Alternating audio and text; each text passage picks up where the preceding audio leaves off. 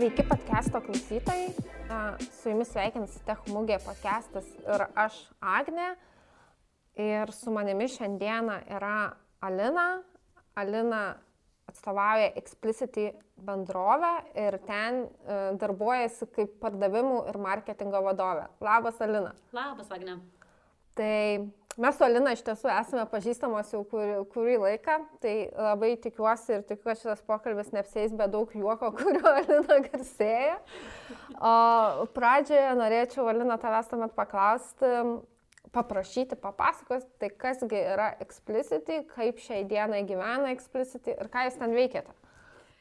E, tai Explicity iš tikrųjų kuria užsakomąją programinę įrangą, mes kaip įmonė neturim savo produkto, kurį vystytume, bet mes teikiame programavimą kaip paslaugą. Lietuvoje mes gyvojame nuo 2-4 metų, tai jau tokia pakankamai, sakyčiau, įmonė su stažu. Iš tiesų mūsų projektai daugiausiai vyksta, orientacija mūsų projektų yra į vakarų Europos šalis, kai kurie į Amerikos rinką. O atsakant į klausimą, ką mes veikiame, tai tie mūsų projektai didžiausia dalimi yra padalinti į tokias keturias prioritetinės rytis. Tai pirma yra virtualių darbalaukių infrastruktūros projektai arba VDI, kurie iš esmės yra skirti kaip softas pro, e, sistemo administratoriams. Tada antroji dalis, kurią mes vadiname data managementu arba kitaip tariant, tai yra įvairiausių duomenų apdorojimo reikalaujantis projektai. Tai gali būti ir CRM, ir ERP sistemas įvairiausios, ir CTRM ir panašiai. Tada kita dalis yra susijusi su e, mobiličio, gal, gal tokia, nežinau, galiu taip labai lietuviškai sakyti, bet e, Tai, ką mes darome, iš esmės yra programinė įranga logistikos poreikiams, sandėliavimo poreikiams ir mūsų be nenaujausia turbūt tokia sritis, kurioje matome prasme ir norim judėti tą kryptimį, tai yra agroindustrijos skaitmeninimas ir dar toks iš tikrųjų daugeliu vis dar kylanti asociacija yra, kad tai ką jūs ten skaitmeninsit morko auginimą, bet kaip ir, kaip ir šiandien girdėjote, mugė tokią išvalgą bet iš tiesų sektorius yra labai stipriai inovuojantis ir vienas iš imliausių sektorių skaitmeninėms būtent inovacijoms ir naudojama vis daugiau modernių technologijų ir tų technologijų, kurios yra labai paklausios, tai yra ir machine learningo technologijos, ir dirbtinio intelekto technologijos ir panašiai. Tai šis sektorius tikrai yra tiek investavimo prasme, tiek technologijų prasme turintis labai daug potencialo. O kokių žmonių šiam sektoriui tuomet labiausiai reikia? IT žmonių. Iš tikrųjų, ko gero, žmonės, kaip mūsų programuotojai sako, jeigu tu gebi programuoti, tau nėra tiek didelio skirtumo, ką tu programuosi, bet jeigu žmogui pačiam yra įdomu prisidėti prie tos žalios krypties, prie maisto grandinių skaitmeninimo, tai yra labiau, sakyčiau, pliusas programuotojai, nes tiesiog jam pačiam bus įdomu tą projektą programuoti. O technologinio atžvilgių, tai vėlgi gali būti pačios įvairiausios technologijos, nes, na, nelygu kokį projektą paimsime. Jūsų bendrovė, mm, kokie ten IT žmonės daugiausiai pas jūs e, dirba? Pas mus yra iš tiesų miksas e, žmonių kultūr, tiek kultūrinė prasme, tiek e, patirčių prasme, nes mes turime komandas, kuriuose dirba juniorai, mid-levelio programuotojai, seniorai, produkt owneriai, principal programuotojai, turime komandų, kuriuose dirba vienas galbūt dedikuotas žmogus, na tai tokių projektų nėra labai daug, bet vis tik tai jų atsiranda pas mus karts nuo karto. Ir kultūrinė prasme, tai be abejo mes esam tokie lankstų žmonės, nes mūsų apskritai yra įmonė iš kelių šalių, iš kelių kultūrų susidedantis kolektyvas. Ką turi omeny iš kelių šalių, iš kelių kultūrų susidaranti įmonė? E, mūsų įmonė startavo kaip akcininkų, mūsų akcininkai yra Olandai ir mūsų įmonė startavo būtent va, iš tos olandiškos gal perspektyvos, tačiau laikui bėgant pas mus pasipildė įvairiausių kultūrų žmonių, tame tarpe kaip pavyzdys turime ir ukrainiečių, kurie jau dirba pas mus pakankamai ilgą laiką.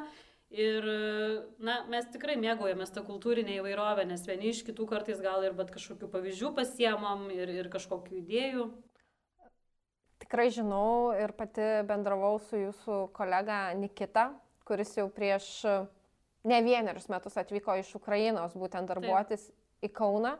Ir kai su juo kalbėjau ir klausiau, tai o kodėl Kaunas, kodėl ne Vilnius, ar pabuvęs Kaune nebenorėjai, nesvarstai minties važiuotumėt į Vilnių ir jisai sakė, kad iš Kauno tai tikrai nenorėtų važiuoti į Vilnių ir kad jį žavi miesto kompaktiškumas, e, žavi Kauno žalgeris.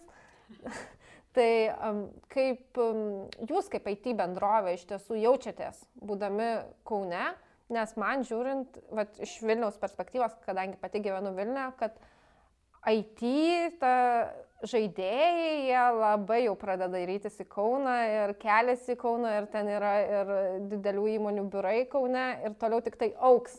Na, ko gero, sakyčiau, kad tai yra iš tiesų dvipusis eismas, nes Kauno IT bendruomenė dairosi naujų narių Vilniuje, Vilniaus IT bendruomenė dairosi naujų narių Kaune. Tai mes iš tiesų kaip programuotojai, ko gero, apskritai nelabai sureikšminame to geografinio skirtumo ar geografinės lokacijos kaip po tokios nes ypatingai vat ir pandemijos kontekste gavosi taip, kad žmonės tiesiog dirba dažnu atveju nuotoliniu būdu ir jie užsuka į ofisą pakankamai a, sakyčiau, net gal ir retai kai kurie, nes jų tikslas tiesiog pasimatyti su kolegom, išgerti kavos prie kavos aparato, sužaisti kokį stalo žaidimą ir panašiai. Tai aš ko gero neprisiriščiau iš tiesų tiek stipriai prie lokacijos, nes IT kaip, e, kaip, kaip sritis apskritai galina žmonės dirbti labai lankščiai mini, kad IT sritis įgalina žmonės dirbti itin lankščiai. O tuomet, kai jūs ieškote ir ieškote, kaip ir visos įmonės, IT darbuotojų, e, ne veltui esate techmugėje, kur daugiau nei 50 įmonių taip pat yra ir ieško naujų žmonių. Į ką labiausiai kreipiate dėmesį, ieškodami naujų žmonių prisijungti į savo komandą, tiek iš turimų profesinių kompetencijų, tiek asmeninių? Pirmiausia, tai ko gero e, kreipiame dėmesį į technologinį backgroundą, nes natūralu, kad turim atvirų pozicijų ir dairame žmonių, kurie galėtų jas užpildyti šiai dienai, tad atitinkamai pagal tas pozicijas viena, viena iš e, fokus ryčių, ko mums reikia iš tų žmonių, tai yra technologinės žinios tam tikros. Na, o kalbant apie tą asmeninių savybių dalį, tai ko gero ieškome žmonių, kurie būtų pakankamai atviri komunikuoti, pakankamai lankstus ir, ir norintys bendrauti. Aš suprantu, kad čia programuotojų tarpe gal toks labiau išimtis iš taisyklės negu dėsnis, bet vis dėlto visada smagu, kai žmogus nori kažką papasakoti apie tai, ką galbūt veikia laisvalaikiu, apie tai, kas jam yra įdomu, nes, na, kai tu pradedi gilintis, tai va ir mūsų kompanija yra tokių žmonių, kur turi iš pažiūros visiškai nestandartinių hobių ir visiškai tokių, kur atrodo tau net ne, nesusiderina, ne kaip su ta griežta logika, kurio žmogus tarsi tikėtųsi iš programuotojo specialybės. Bet iš tiesų tai ko gero taip, tai ko gero yra tekstekas ir žmonių paprastumas. A, paminėjai, jie turi įvairių pomėgių, aš žinau, kad ir tu turi labai įdomų pomėgį, gal galėtum papasakoti daugiau apie jį. Aš nežinau, ar čia yra labai ta tema išsiplėsti, nes mano pomėgis yra toks taip visiškai nestandartinis, tai yra automobilių sportas, bet turbūt ties šią vietą ir sustosiu. Gerai, liks paslaptyje, turėsim ateiti į varžybas ar kur nors pasižiūrėti. Um, eikime į kitą pusę, tuomet šiek tiek uh, uh, pasikalbėti. Tuomet um, jūs ieškote tikrai jau ir patyrusių žmonių prisijungti į savo komandą, tačiau žinau, kad ieškote ir uh, pradedančiųjų. Ir ypatingai tai darote savo akademijos metu. Taip. Gal galėtum plačiau papasakoti apie akademiją? Akademija tai iš tiesų yra renginys, kurį, kurį dabar, jeigu nesuklysiu, šiemet organizuosime septintus metus iš eilės. Uh, Ir e, tai labai pasiteisinę mums, kadangi remiantis dalyvių atsiliepimais jie yra tikrai puikūs, todėl kad akademija yra e, dviejų savaičių trukmės.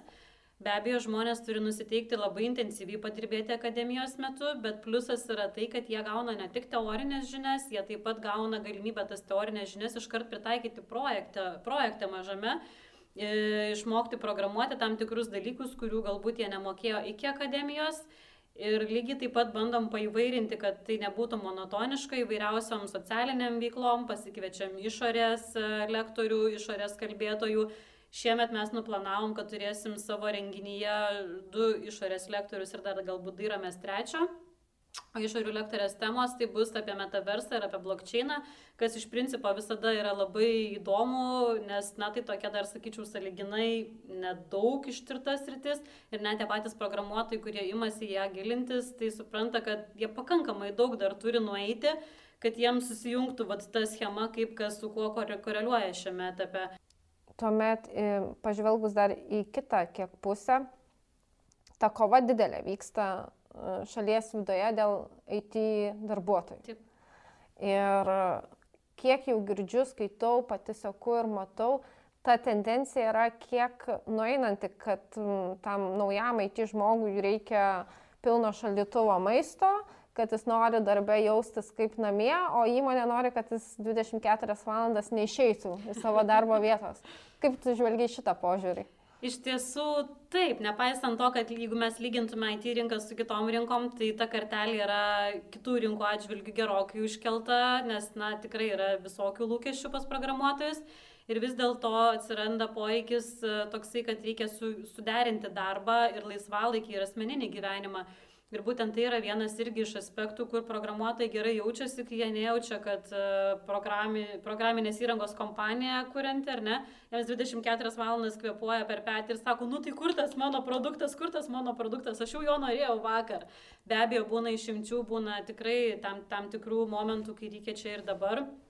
Bet mes tengiamės, kad tai netaptų tendencija, kad žmonės dirbtų projektuose, kuriuose jie gali jaustis gerai ir derinti darbą su asmeniniu gyvenimu. Tai tau ir asmeniškai tai yra svarbu derinti darbą su asmeniniu gyvenimu. Paklausė Agne darboholikės. Jautiesi darboholikė? Aš, aš gal taip ir nesijaučiu, bet aš tą nuolat girdžiu iš kolegų. bet iš tiesų kita vertus, tai ko gero yra tas dalykas, kuriuo aš labai mėgaujuosi. Tai gal kai tu mėgaujasi to, ką tu darai, tu nesijauti taip, tarsi tu ten dirbtum labai. Kiek girdžiu, daugybė įmonių tiek IT, tiek nebūtinai IT daro tiek pavienės iniciatyvas, tiek didesnės e, iniciatyvas apjungiančias keletą sričių įmonių ar tiesiog visuomenę bendrai. Jūs turite žmonių, kurie dirba Ukrainoje šiuo metu Taip. su kontraktu jums Taip. ir darbas nesustojo. Tai yra kažkas neįtikėtino, man pačiai tai yra dalykas, kuris išmuša turbūt visus pagrindus iš pakojų. Uh, nes e, tai yra sunkiai suvokiama. Taip, iš tiesų mes turim kontraktorių, kurie šiai dienai dirba, jie aktyviai darbuojasi projektuose, jie pasiema kompiuterį, keliauja į savo rūsį ar kažkokią kitokią vietą, kuris skirta slėptis nuo atakų, nuo bombardavimo. Ir jie tol, kol turi internetą, tol, kol jie turi elektros tiekimą, tol jie sėdi ir jie programuoja. Ir mes tikrai turėjome tokių pavyzdžių savo praktikoje, kur uh, visiškai neįtikėtina, kaip, bet ta programuotoja yra nepraleidusi nei vieno dėlį stand-upo su savo komanda ir, ir jinai tiesiog jinai daro tuos dalykus. Mes jai siūlėm iš tiesų visą pagalbą, kad jinai galėtų atvykti pas mus į Lietuvą, mes jai siūlėm suteikti erdvę eksplicityje, jeigu reikia ten kažkokią papildomą įrangą, pasirūpinti būstų, transportų, visais reikiamais dalykais. Bet jos uh, principinė pozicija buvo, kad jinai bet kuriuo atveju lieka Ukrainoje ir jinai dirbs tenais ir jinai niekur nevažiuos ir jinai niekur nejudės. Ir ji iš tiesų pagrindžia tuos žodžius ir ji puikiausiai deliverina rezultatą. Tai ekonomika ir darbas nesustojo, pagalba irgi vyksta nuolatos įvairiomis pusėmis, o tada sugrįžtant į pokalbio pradžią, apie tuos IT specialistus, kurių taip trūksta visai rinkai. Ko tu palinkėtum žmogui, kuris sugalvoja pradėti savo karjerą IT, niekada joje ne, nebuvęs, nuo ko? Kokie pirmi namų darbai? Pirmiausia, ko gero, reikėtų atsakyti savo į klausimą, kodėl aš to noriu. Tada antras žingsnis būtų išsigryninti, kurioje IT srityje tas žmogus norėtų dirbti, nes tos pozicijos iš tiesų yra labai skirtingos, netgi savo specifika. Nes e, tai, ko galbūt reikia DevOps specialybė, yra ne visiškai apie tą patį, ko reikia testuotojui arba programuotojui. Ir tada jau užsigryninęs, ko jisai nori, galbūt įsivertinęs turimas kompetencijas, tas žmogus ko gero turėtų kreiptis į specialias mokyklas, kurios padeda persikvalifikuoti ir suteikia bazinių žinių paketą. Tai pirmiausia, reikia žinoti, ko nori ir ar tikrai nori pradėti manau, tą karjerą. Taip, manau, kad taip, nes priešingų atveju tai tiesiog bus laiko ir, ir finansų švaistimas. Ir jeigu žmogus pabaigęs tą kursą vis dėlto nesijaus laimingas ir nematys tame prasmės, tai, na, tiesiog bus kažkaip iš, iššvaistytas laikas. Tai ačiū tavo, Lina, kad atvykai šiandieną čia, kad pasikalbėjai su manimi ir toliau puikios mugės ir naujų pažinčių joje. Ačiū, Agne.